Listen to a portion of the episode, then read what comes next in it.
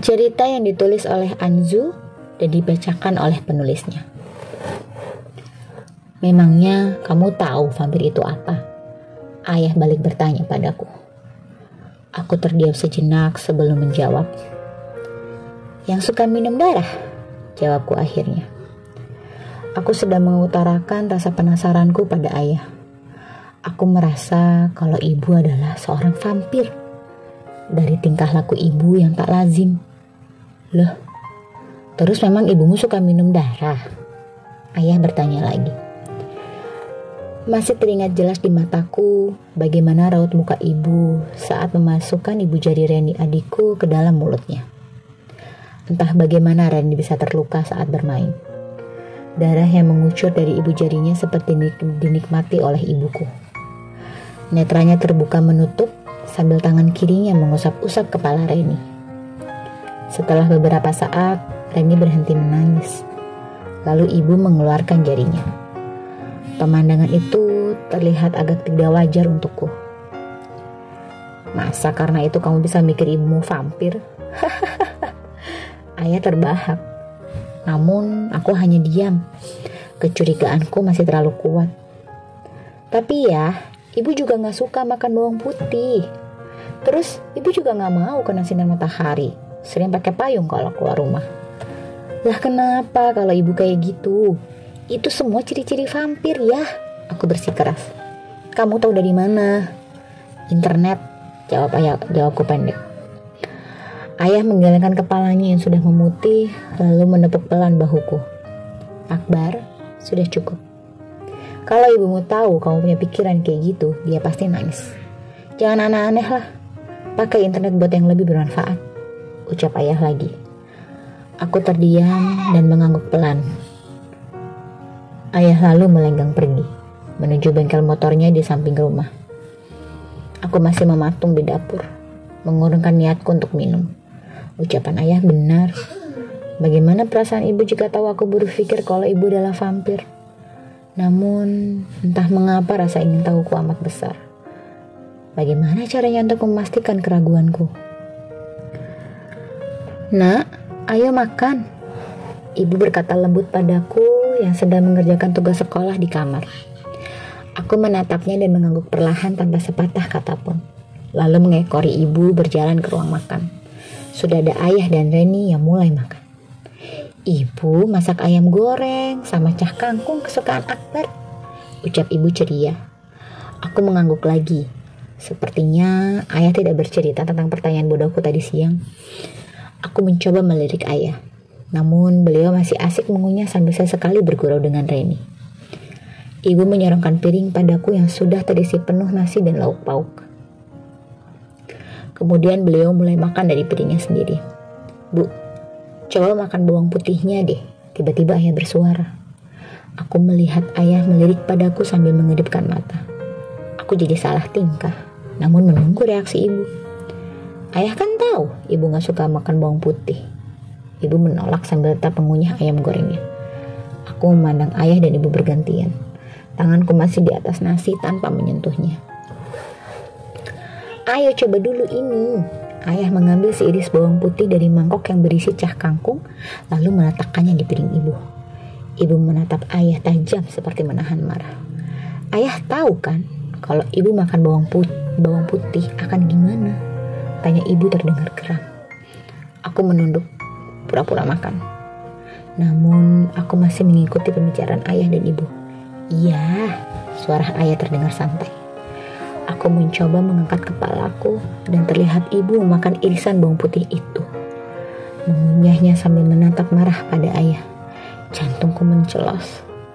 Namun yang terjadi kemudian membuat bulu kuduku merinding ketakutan. Ibu memuntahkan semua makanan yang sudah ditelannya tadi ke lantai. Napasnya terengah, wajahnya pucat. Reni terperanjat melihat ibu tiba-tiba muntah. Lalu menepuk pelan punggung ibu, memberinya air minum. Ayah yang sepertinya sudah menerka reaksi ibu dengan sikap menyambar kain lap di dapur dan membersihkan muntahan ibu. Aku hanya mematung melihat semua kejadian ini, tak bergeming Kulihat ayah tersenyum kecil padaku saat mengantar ibu masuk kamar. Mentari teramat terik hari ini. Awan tak menampakkan dirinya di langit yang terlihat biru.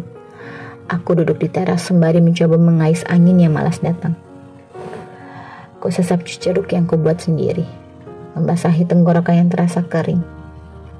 Rani tengah pulas di sampingku usai lelah bermain dengan Anggi, kawan sebayanya dari rumah sebelah.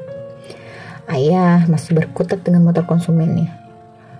Aku tersentak saat kulihat ibu dari kejauhan menenteng tas belanjaannya. Kenapa ibu tak memakai payung? Batinku heran. Padahal sedang panas begini. Tak biasanya. Apa ayah menceritakan tentang pertanyaanku kemarin ya? Gumamku dalam hati. Terbetik rasa bersalah dalam relungku. Kembali kulihat ibu yang hampir sampai. Ibu melangkah lebih cepat. Aku dengan sigap mengambil belanjaan ibu meletakkan di ruang tamu, dan bergegas mengambilkan jus jeruk dingin dan memberikannya pada ibu. Makasih, Bar, ucap ibu setelah menyesap habis jus jeruk buatanku. Aku tersenyum senang.